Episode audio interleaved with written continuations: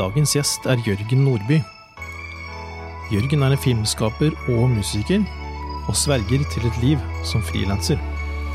Følg med. Velkommen til podkast, Jørgen. Takk. Eh, Min første. Din første. Ja, spennende. Ja, forhåpentligvis ikke siste. Nå er jeg glad for mer, jeg. Ja. Allerede. Så se, Hvem er Jørgen? Hvem er du? Nei, en enkel eh, gutt fra Viken, da, som det heter. Mm. Eks eh, Østfold. Ja. Ja Nei, 33 år. 33. Snart eh, tobarnsfar. Oi. Frilanser. Mm. Frilanser? Hva slags type frilanser er du?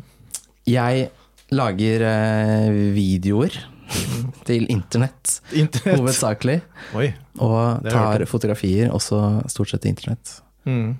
Og så er jeg eh, musiker. Jeg var musiker, Mm. veldig. Ja. Nå er jeg litt mindre musiker. Ja. Ja. Og mer frilanser. Og mer eh, Frilanser har jeg vært alltid, men jeg, jeg har jobbet som trommeslager i en del år. Ja. Og så fada jeg langsomt, og så plutselig inn i videoverden, rett og slett. Mm. Ja, du har gjort mye kule ting, eh, Jørgen. Kan ikke du forklare litt eh, hva er disse tingene du har vært med på? Som uh, Som frilanser, Som frilanser? eh, for eksempel? Ja.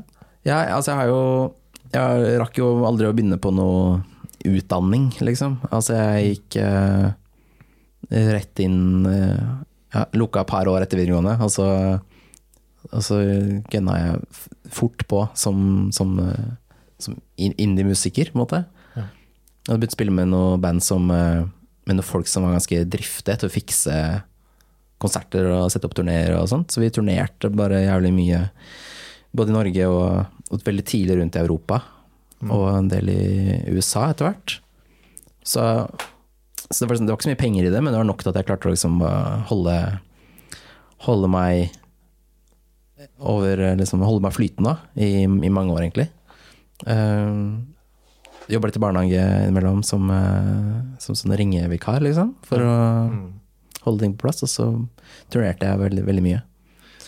Så gøy. Som var veldig gøy. Og så Hvilke band var dette? Nei, det var, altså, det var et band som uh, tidlig den derre Det som var, het sånn Indie-bølgen i Oslo i 2007, liksom. Starta vi et band som het My Little Pony. Skulle, ja, ikke spør engang. Vi skulle aldri bli noe. Vi skulle aldri bli noe, vi skulle bare spille for oss sjøl. Ja. Men så tok det litt av. Mm. Så det er vanskelig å Det begynte å bli vanskelig å forsvare navnet etter hvert. Da. Så vi, men vi holdt på veldig lenge som okay. My Little Pony. Og så i, har vi skifta navn et par ganger med det bandet. Til My Old Pony? Uh, nei, eller my, my Big Pony? Eller? Making Marks het vi Marks. en, en stund. Ja. Og så, men så begynte jeg også å spille ganske tidlig med en artist som heter Moddi Mm. fra Nord-Norge. Som, eh, som jo gjorde det, har gjort det veldig bra veldig lenge. Mm. Som Det ble jo også en, en heltidsjobb eh, ganske i mange år, egentlig. Å bare spille og reise med han. Spille plater og turnere rundt omkring. Så det var veldig fint. Så gøy. Og han tok seg Så det, altså det var jo veldig mye av liksom eh, 20-åra mine, føler jeg, å bare være musiker. Og være, en, være som blakkmusiker og reise rundt og ha det fett, liksom. Oppleve verden. Mm. Så det var veldig kult. Men da jeg begynte med det videogreiene, så ble det jo sykt mye nye fete muligheter, da. Ja. Hvor fikk du over til eh, video, da? Det var vel Paul, altså Paul Moddi, som han tok et år bare av, liksom. Eh, hvor han ikke gjorde noen ting. Hvor jeg ble litt, fikk litt panikk. Hva gjør jeg da, liksom? Eh, jeg følte meg litt Jeg var litt avhengig av han, da, kanskje. Ja. Men han eh, Men før det så hadde jeg allerede begynt liksom å sysle litt med video- og fototing. Jeg data en fotograf som inspirerte meg til å kjøpe mitt første speilreflekskamera. Ta litt bilder. Mm. Legge litt, litt sånn seriøsitet i det. Og så var det den tiden hvor speilreflekskamera kom, og det kunne begynne å filme, og det var helt sånn ute hvor fet den kvaliteten var, liksom. Så det var vel en del videoprosjekter som Moddi hadde satt bort til, til sånne større produksjonsselskaper, Uh, hvor de prosessene var så var så vanskelige, og liksom uh, Han hadde så lite han skulle si da, i den prosessen. Det var på en måte disse videoskaperne som skulle gjøre det her, og når Pål kom med kommentarer, så var liksom prosessen låst, da, eller klippen var låst okay. og sendt til grading, så nå kan vi ikke gjøre noe mer. Mm. Uh, så det var vel da han, han kjøpte et kamera til meg, rett og slett. Og så sa jeg nå bare gjør vi det, liksom. Ja. Sammen. Så da begynte jeg å lage videoer for han, med en sykt bratt læringskurve. Så når han tok det året fri, så hadde jeg allerede eh, nok måte, materiale ute på internett som folk hadde sett, til, til at det var etterspørsel der, da. Så folk eh, mm, jeg hadde litt jobber, liksom, rett og slett. Fordi du la ting ut og Ja, jeg havna på YouTube og Ja. Facebook, liksom. Mm. Så, og musikkbransjen i Norge er ikke så stor, så det sprer seg jo fort, da, det man, det man gjorde. Hva slags videoer var det du lagde for Nei, altså, det var supersimple sånn, musikkvideoer, liksom. Mm. Hvor vi Og selvfølgelig fotografier, da. Bilder, liksom. Jeg var mye bedre på å ta bilder enn å lage video, men eh, Men uh, Jeg syns du er flink på begge deler. Jeg har sett mye av det du har gjort. så- ja, nå har jeg jo gjort det i ti år, liksom, så nå begynner jeg å få en viss okay. oversikt over hva jeg holder på med. Ja. Men jeg hadde jo ikke det da. Nå, da var det bare å bare gønne på. Ja. Så du har Og liksom lære seg ting underveis. Bare si, ja. bare si ja, liksom. Ja. Det her fikser vi. Mm. Og så må man bare finne ut av det. Og det, er jo, det gjør jeg jo enda, liksom. Men uh, jeg har fått litt bedre forutsetninger for å lykkes i andre enden. Ja. Mm. Man kan kanskje summere det opp litt som at uh, bare hoppe i det og Ja, det er det jeg alltid har gjort. Det er det som har vært veldig fint. Jeg har alltid følt at jeg har aldri hatt en plan med livet mitt. Med hva jeg skulle bli, eller hva jeg skulle gjøre. Jeg har aldri alltid tenkt veldig kortsiktig. Uh, og alltid vært ganske fri til å kunne hoppe på ting som har kommet min vei. Hvis det har dukket opp en turné eller et prosjekt, så har jeg stort sett kan jeg bare si ja, og så gjøre det. Og det har vært helt supert. Så jeg har alltid vært veldig redd for å liksom eh, binde meg for lenge til noe. Mm. Eh, I redsel av å unngå gå glipp av de mulighetene som bare plutselig dukker opp. Fordi jeg har alltid vært så sykt fet. fete, liksom. Ja. Og fete i den forstand at de har gitt meg så bra opplevelser, da. Og reiser og fine samarbeid med bra folk, liksom. Som alltid holder hjulet i gang, da. Og alltid ethvert prosjekt på en måte åpner seg Mm. Åpner uh, nye muligheter, da. Mm. Så det er en sånn livs... Uh, Jeg vet ikke. Slags sånn uh, evig Vært en sånn motivasjon, da. Alltid. Å bare si ja til det man vil, og så og leve litt i nuet. ja. Og det har på en måte lønt seg for deg, da. Ja. På mange måter. Ja, ja, absolutt. Det å ikke ja, Rett og slett ikke, Mm. Ikke få noe Si nei til, til fast jobb, liksom. Mm. Eh, ja. Ja, for det er ofte sånn at man kanskje tror at eh, hvis du takker nei til den eh, faste jobben, så Mm. ja, da går det dårlig. Ja, jeg har fått noen uh, flatterende forespørsler liksom, uh, i de siste årene om å bli liksom, ansatt i et produksjonsselskap og sånt. Og det er jo helt sykt fett at Mm. folk tenker på meg som en fyr de vil ansette. Ja. Men Så jeg har måttet gått noen runder med meg selv og tenke skal jeg gjøre, skal jeg gjøre det her, liksom? Mm. Men da Jeg hadde ikke, jeg hadde ikke klart å leve med meg selv, ass. Med Nei. alle de mulighetene som jeg hadde Som jeg tror hadde Jeg hadde gått, hadde gått glipp av. Mm. Det er ikke sikkert jeg hadde gått glipp av noen ting, men, eh, men jeg hadde i hvert fall tenkt det hver dag, tror jeg. Mm. Ja, jeg kan godt kjenne meg inn i det. Altså. Ja. Eh, Men, jeg, men tidlig så jeg, har, fikk, fikk barn da jeg var 21. Så da var jeg helt i starten av den frilanskarriera, på en måte. ja. Men det, det å få barn så tidlig også gjorde meg veldig motivert til å gjøre ting ordentlig og Mm. seriøst. Så jeg eh, Så eh, Ja, da hadde jeg en 100% jobb i en barnehage, men hadde veldig lyst til å si opp. Mm. Eh, fordi det var så mye turnering på gang. Og da var det veldig enkelt. Jeg fikk, jeg fikk, eh, eh, jeg fikk Emil, da, så var det så var det enten så blir jeg her i den jobben som er sikker, jeg har en stødig inntekt og forutsigbar eh, fremtid, liksom. Eh, men jeg tror jeg vil være, bli en sånn deprimert fyr Mm. som ikke får gjøre det han egentlig vil. Så da var det lett å bare si opp jobben, og så bare gønner jeg på med, med det her. Og bare gjøre ting skikkelig, og med liksom legge hjertet i alt, og, og liksom legge sport i profesjonaliteten, da. Mm. Og det funka veldig, veldig bra. For meg, på en måte, å gjøre de tingene jeg gjør.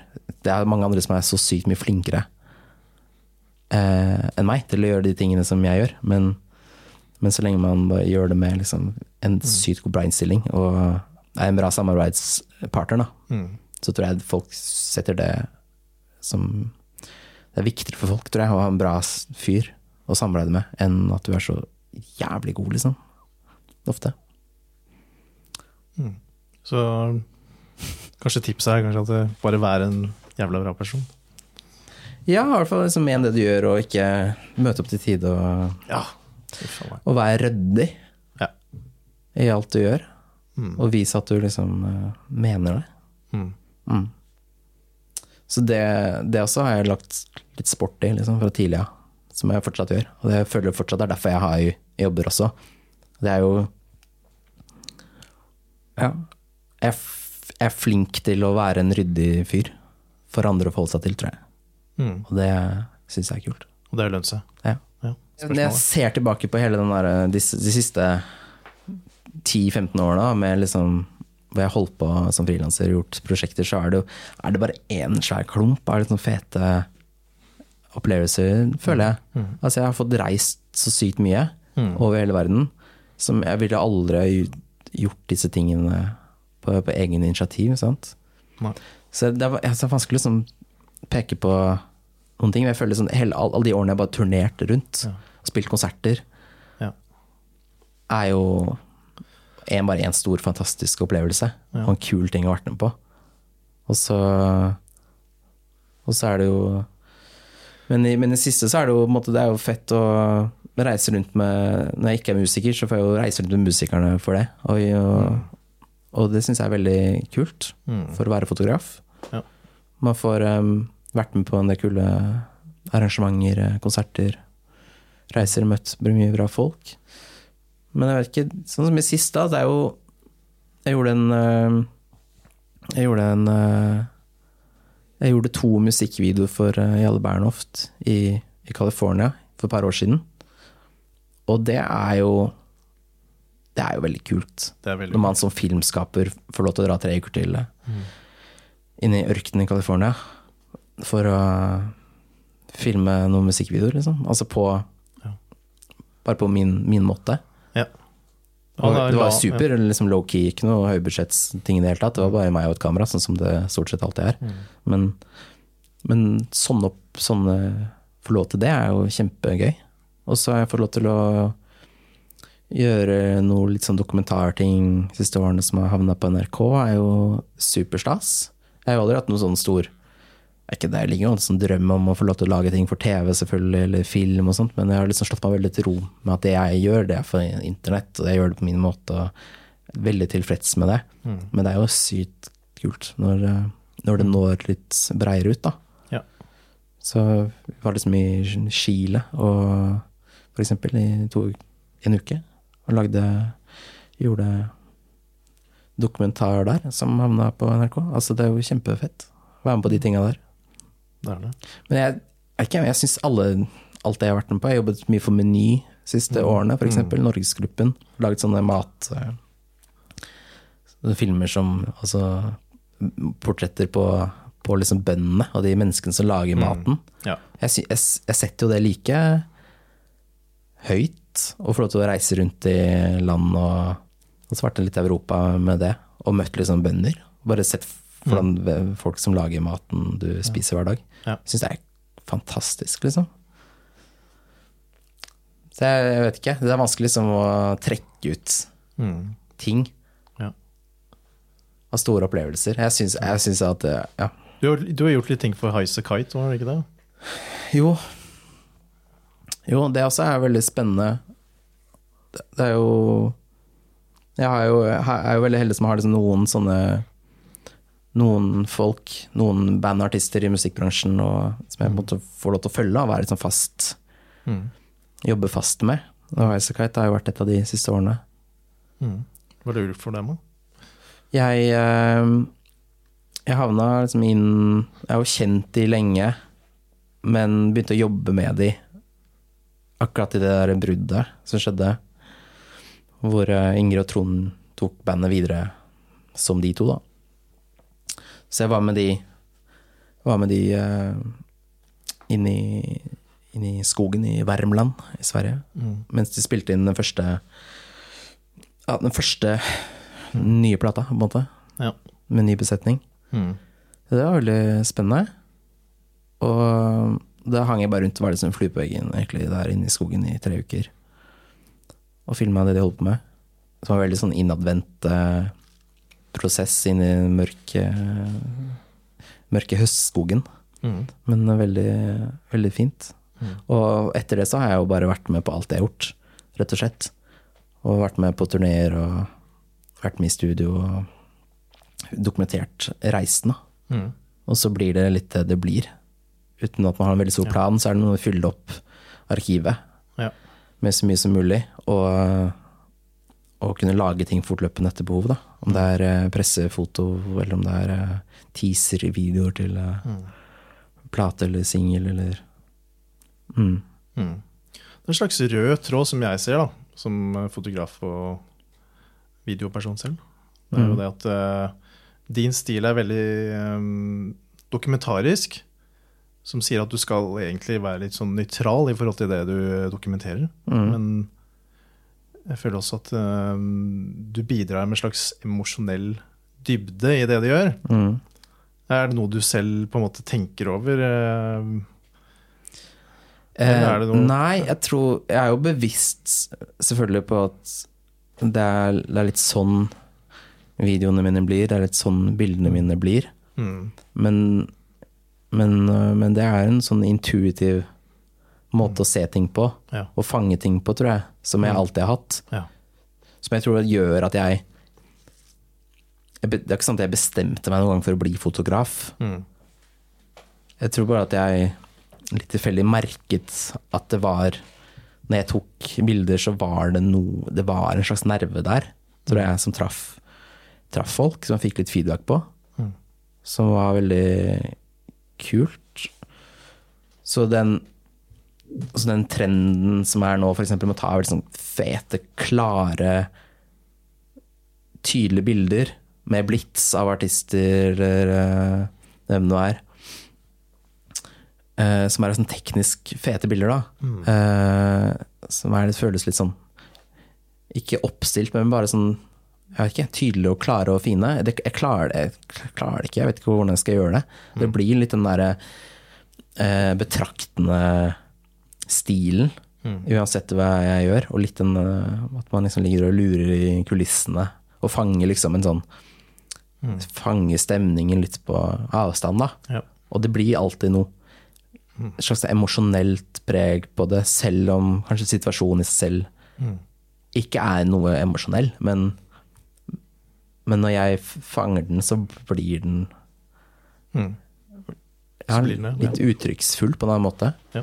Og det er, ikke, ja, det er ikke noe jeg klarer å velge selv å gjøre. Det er ikke noe jeg kalkulerer liksom med. Det er noe som bare blir. Det er sånn jeg, ja, sånn jeg har fanget ting alltid, og ikke klarer å endre helt på heller. Mm. Men jeg tror det er jo jeg tror det er det som gjør at jeg også har fått jobbe med det her så mange år. Da. At jeg har en personlighet.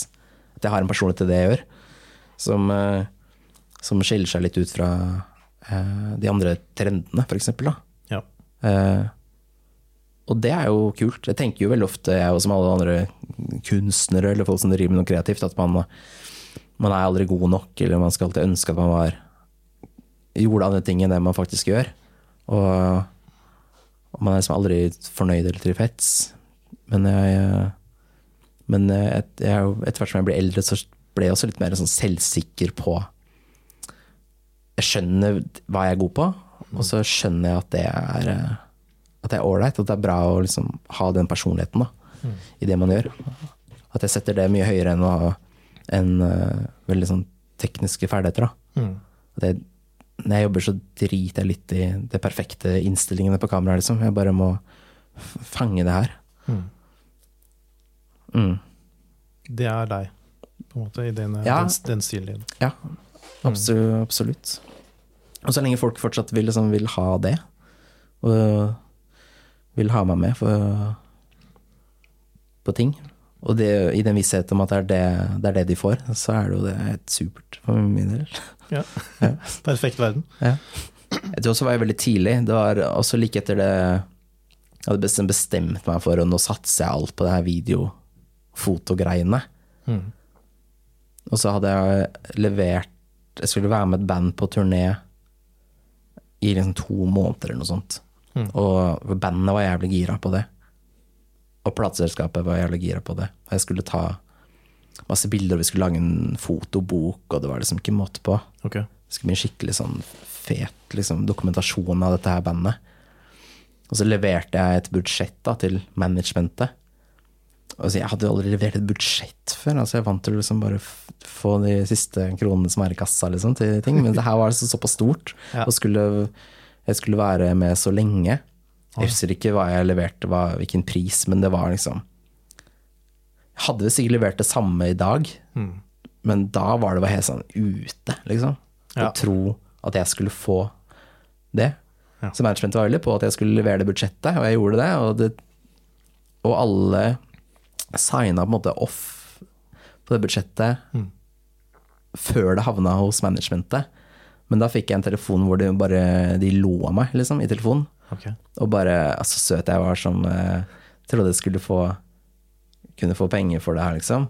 Okay. Men, men, jeg, men jeg kunne få lov til å være med og ta de bilder fordi jeg kanskje syntes det var fett, da. Okay. Og at det var gøy for meg å være, være med. Ja. Så da Det var bare sånn Nei, da, da snakkes vi aldri, liksom. Ja. Eh, da var det Da hadde jeg på en måte tenkt at det var det jeg skulle gjøre de neste fire månedene, liksom. Holdt mm. med det. Mm. Da var jeg litt eh, på bar bakke, Mm. både økonomisk og arbeidsmessig. En sånn, eh, en sånn tung eh, starten av januar, liksom. Mm. Et eller annet år. Ja. Du slo litt eh, tilbake Da, på da det. tenkte jeg jeg vet ikke hva jeg skal gjøre nå, liksom. Men så stakk jeg innom en kompis av meg som eh, også driver med video, som hadde Hun hadde og snakka om det triste frilanslivet, liksom. At det var så vanskelig og ikke noe å gjøre og sånt. Og så fikk han en telefon mens jeg satt hos han, Uh, om en jobb som han ikke hadde tid til å ta. Og så sendte han den jobben til meg. Eh, og etter det så har jeg bare vært helt sinnssykt travel, liksom, hver dag. Oi. Så enkelt. Så det var en sånn Det var uh, altså sånn turning point, liksom. Ja. Som var jævlig sweet. Det er jo utrolig fint, da. Det var sykt tilfeldig liksom, hvordan ting skjer, da. Ja. Ja. Men tenk, men video er jo Virker som det er liksom på en slags opptur nå. Hva, hva syns du om det? Jeg har ikke video vært på opptur uh, sykt lenge.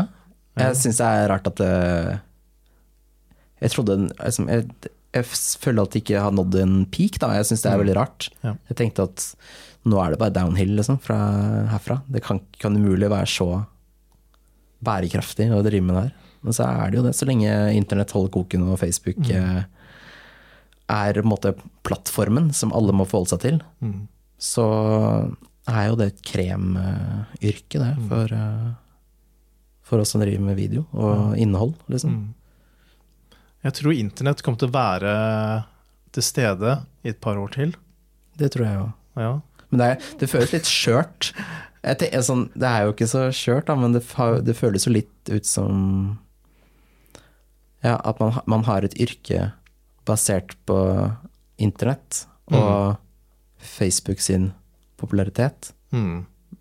For mye av det du gjør, Men er det gjelder jo så sinnssykt mange yrker. det, er ikke, det er ikke bare meg Nei.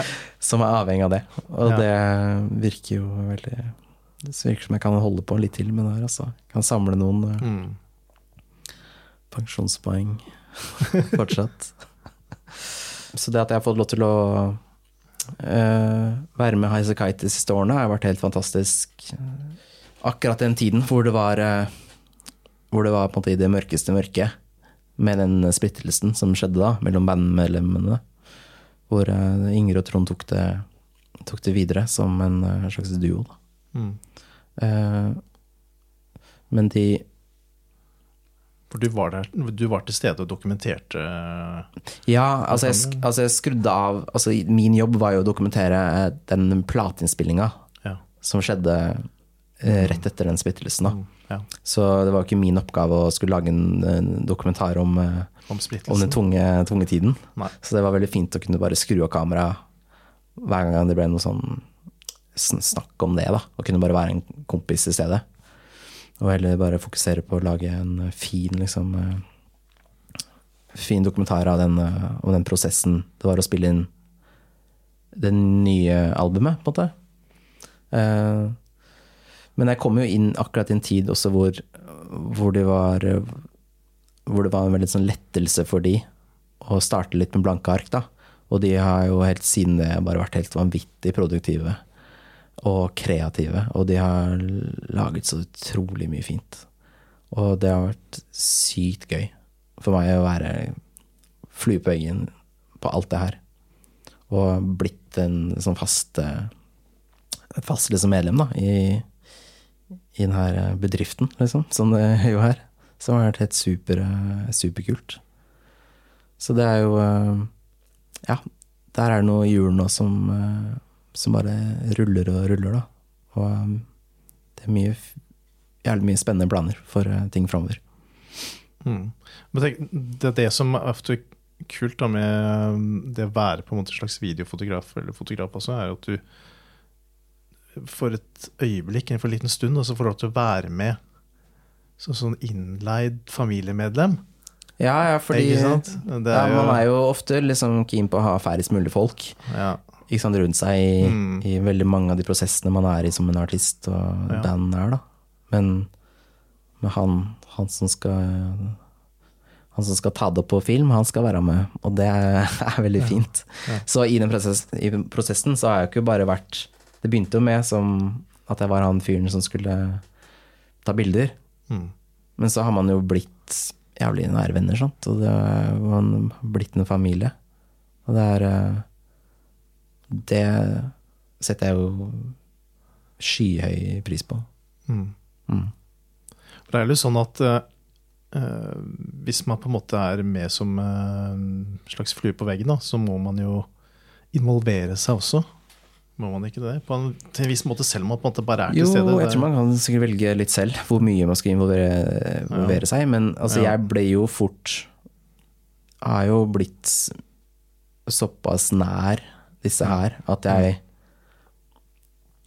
At jeg snubler litt i min egen rolle Ja. ofte, da. Ja. At ting jeg burde ha filmet, eh, filmer jeg ikke fordi jeg er i øyeblikket sammen med de. Mm.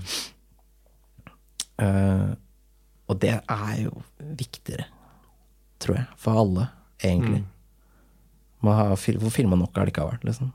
Noen ganger så er det så deilig å kunne bare skru av det kameraet, og så og bare være der. Mm. Bare være en kompis. Og det er veldig fint. Så når jeg er på turné med de nå, for eksempel, så så skrur jeg veldig av og på den eh, videohatten. så jeg, jeg veit når jeg skal filme, og når jeg skal ta bilder, og når jeg bare kan legge vekk det og ta meg en pils og bare bare være i øyeblikket. Og det er jeg blitt veldig god på. Og jeg tenker, i starten så tenker man jo på at ja, jeg, de betaler meg jo for å være her, liksom. Jeg må jo må jobbe hele tida. De må jo ikke se at jeg ikke jobber. Men det er jo ikke sånn der. Jeg leverer jo masse. Mm. Det er jo ja, det er like viktig for de at jeg slapper av. Liksom at de ikke føler at de er på kamera hele tida. Så mm. Det er interessant. det er, Ja, så merker jeg når jeg jobber med andre også, som jeg ikke kjenner så godt, er at jeg er blitt mye tryggere på det å eh, vite når jeg trenger å være skrudd på, liksom. Og når jeg bare kan eh, ja, være han kompisen i stedet. Mm.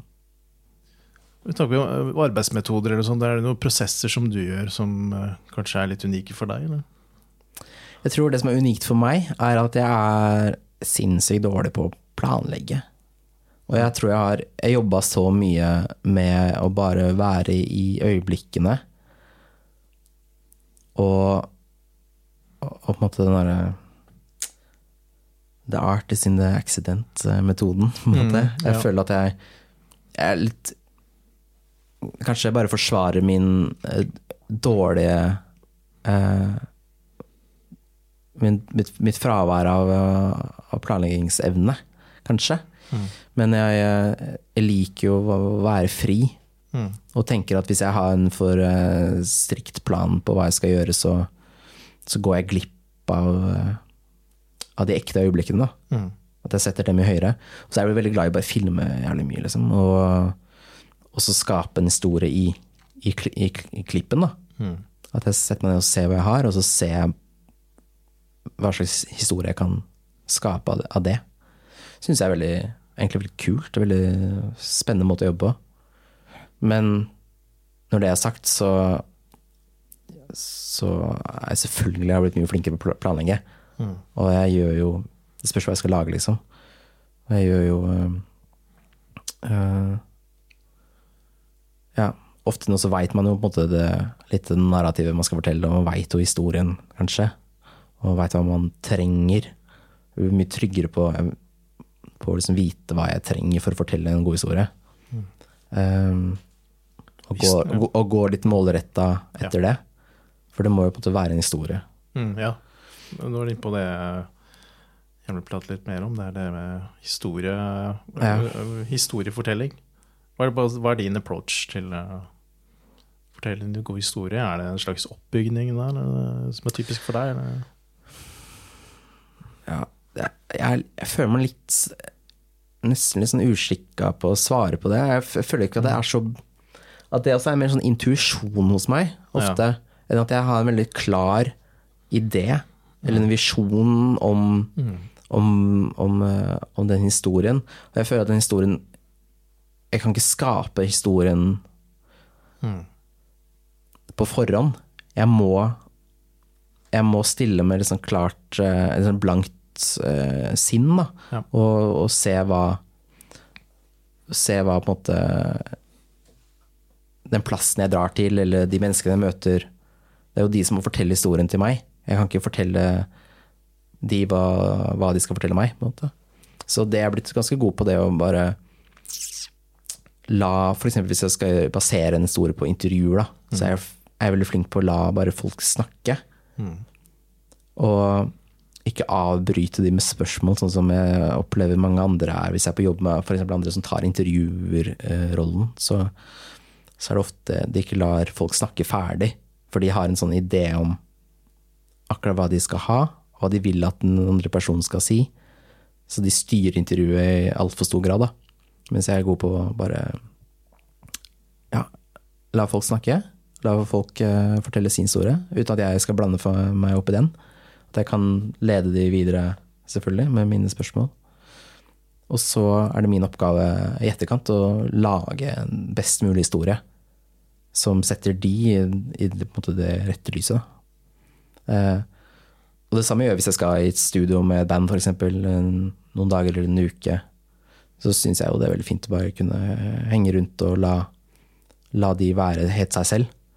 Og la dagene gå naturlig, liksom. Og så fortelle på den historien som er ekte og reell, ikke den som jeg har skapt på forhånd. Det er sånn liker jeg best å, best å jobbe. Mm. Mm. Men selvfølgelig, altså, gjør man ting inn- innholdsfilm for bedrifter, så skal man jo planlegge litt, da. Man veit jo ofte budskapet man skal formidle, men, eh, men jeg liker å formidle det budskapet på en så naturlig måte som mulig. Ja. Og da må jo folk få lov til å fortelle sin historie. Mm. Hva tenker du på um, Filmer du på en måte for klippen, eller? Det vil si at uh, Tenker du at du når du filmer, så Og sånn kan jeg sette det sammen etterpå. ja, Tilpasser jeg det. eh, eh, litt. Altså, det kommer jo an på prosjektet. Noen Mm. ganger så har man jo veldig klare tanker om hva man vil ha. Mm. Men Men stort sett ikke. Stort sett så er jeg Så jobber jeg veldig i øyeblikket med det også. Uh, men jeg, skjønner, jeg er jo blitt veldig mye god, flinkere på å forstå hva jeg trenger. Uh, for å, for å klippe best mulig film. Så det går litt på automatikk òg. Men uh, Men Nei, jeg er dårlig på å planlegge sånne ting. Jeg er dårlig på Skulle ønske jeg kunne sette meg ned og lage et storyboard, liksom, og skissere ut filmen på forhånd. Mm. Og så bare stikke ut og naile den filmen, liksom. Men, det, men jeg er veldig glad i den prosessen. Når man kommer hjem og har tømt minnekortene, og, og man begynner å scrolle gjennom det man har, da. Jeg, meg, jeg lager meg hele tiden som mentale bokmerker når jeg filmer. Så jeg er veldig god på å huske hva jeg tenkte idet jeg filmer ting. Og finne det tilbake til akkurat det punktet. eh, uten at jeg trenger å liksom loggføre det eh, noe sted. Så jeg har ganske god oversikt over det jeg selv driver med, da. Selv om jeg, selv om jeg virker som at jeg er litt sånn, eh, ja, vimser litt kanskje, med uplanlagt frem. Så har jeg en slags intern kontroll, internkontroll, altså. Mm. Hva tenker du på utstyr? Er det noe spesielt utstyr som uh, man kanskje bare må ha for å drive proft med film, eller? For eksempel så tror jeg du kan lage verdens feteste film med verdens dyreste kamera, men, men hvis lyden er dritt, liksom, så, så er det skikkelig kjipt å se på. Ja. Så ikke at jeg er noe sånn eh, hifi-nerd i det hele tatt, men jeg har jo i hvert fall har noe ålreite mygger og bra mikrofon som kan fange litt atmosfære, som gjør at lyden er grei. Mm. ja. Det er ganske viktig. Mm. Så er jo Det er jo veldig fint å kunne ha litt lys med seg. Jeg filmer jo mye i mørket. Mm. Eh, innendørs og i naturlig mørkt lys, eller unaturlig mørkt innelys, liksom. Jeg blir flinkere på å ta med meg litt lys, så jeg faktisk kan eh, eh, uppe kvaliteten litt. Selv om jeg har et dyrt kamera, så, så er det jo ingenting hvis det ikke er lysete der, liksom. Mm. Litt lysete. Ja. Jeg vet ikke. Jeg er ikke så utstyrsnerd ass, i det hele tatt. Jeg føler at uh, så lenge jeg har Så lenge jeg har akkurat de verktøyene jeg trenger for å fortelle historien min, så er jeg dødshappy, liksom. Og så må man bare ha litt et Altså Det Man må være litt i tiden på kvaliteten òg. Altså Jeg kan ikke filme ting på speilveggskameraet mitt fra 2007 lenger, liksom. Det skjønner jo, skjønner jeg òg. Det ser jo ikke bra ut i 2020.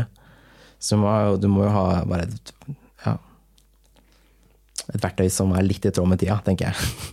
ja. Noe annet ha Bildekvalitetsmessig. Så mye penger snakker vi da? Om, eh, Hva slags kamera? Så hvor mye penger trenger man egentlig å legge i et videokamera nå i det? Jeg vet ikke. Du får jo kjøpt, eh, får man ikke kjøpt ganske bra speileffektskameraer som kan filme sykt bra til liksom 20 000. Ja. Kommer du jo sjukt langt. Mm. Må Kan ta betalt for det. jeg Ja. Men du, så du trenger jo ikke så mye penger, Nei. kanskje, egentlig. Jeg var jo veldig Veldig heldig og fikk eh, Fikk kjøpt et sånn Red-kamera.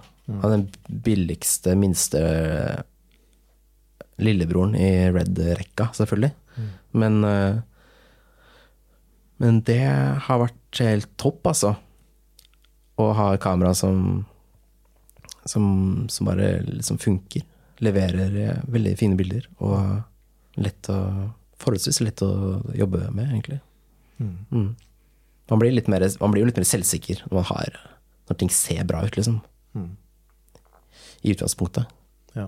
Så røffer jeg det til da, etterpå i klippen, og putter på jævlig mye støy og Mm. Ja. Kveler, det det kveler kvaliteten i, i sånn eh, fargeredigering. Men eh, Men eh, Utstyr har litt å si, ja, det, men ikke alt. altså, det har jo det. Når du ser sånne bedrifter som, som er veldig opptatt av at de har gått på kurs Mm. og lært å lage video med mobilen, Mm. og da trenger de ikke hyre inn fotografer lenger, Ja. så er jo det litt fucked, for det ser jo stort sett jævlig billig ut. Så dårlig ut. Og siden alt av video i dag ser så bra ut, da, og spesielt i Norge og Oslo, hvor folk er så sinnssykt flink, flinke, og det er så utrolig høyt nivå på det tekniske, da, Mm.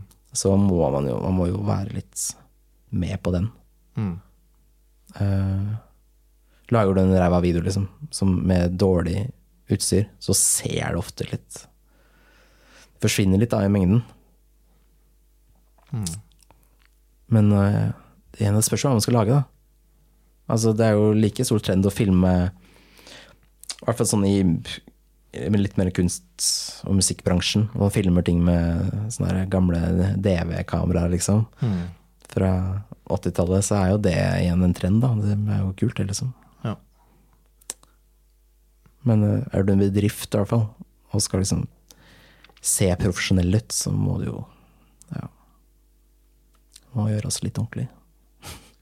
Har du et slags turning point for deg sånn personlig, som gjorde at du eh, kanskje endra måten du tenkte på ting? Nei, personlig så må det jo være det å få barn. Mm. At det har liksom gjort at At uh, jeg kan ikke bare dasse rundt og gjøre ting liksom halvhjerta og, og bare tenke på meg selv. Og så lenge jeg har liksom pe- penger til husleie av den måneden så, og nok til et par øl, så er, det, Ja. er livet bra, sånn som det var før.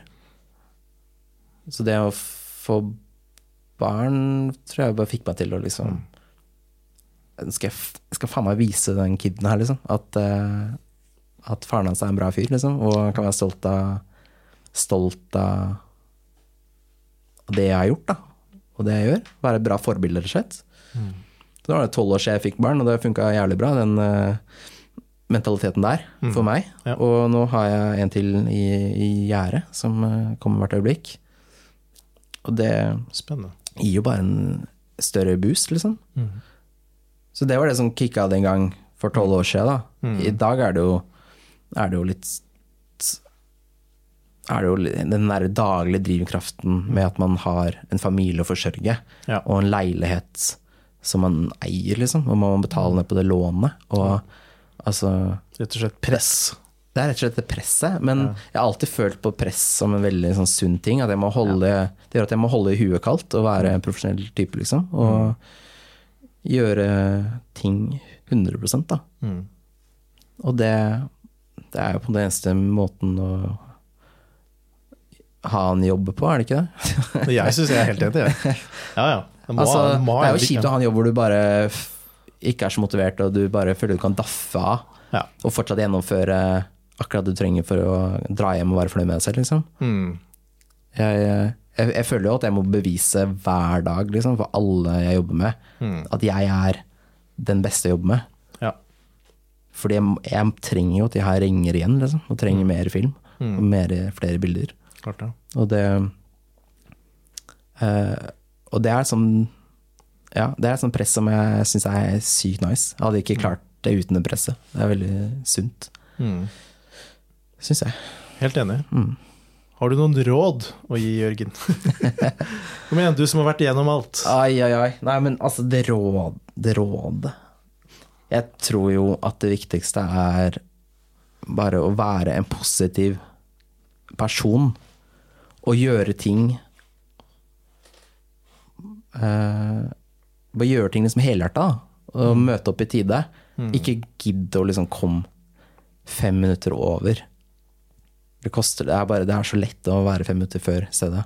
Og, og levere ting til tide og ha en Tilby liksom en, en, et ryddig samarbeid, da. På alle, alle måter. Mm.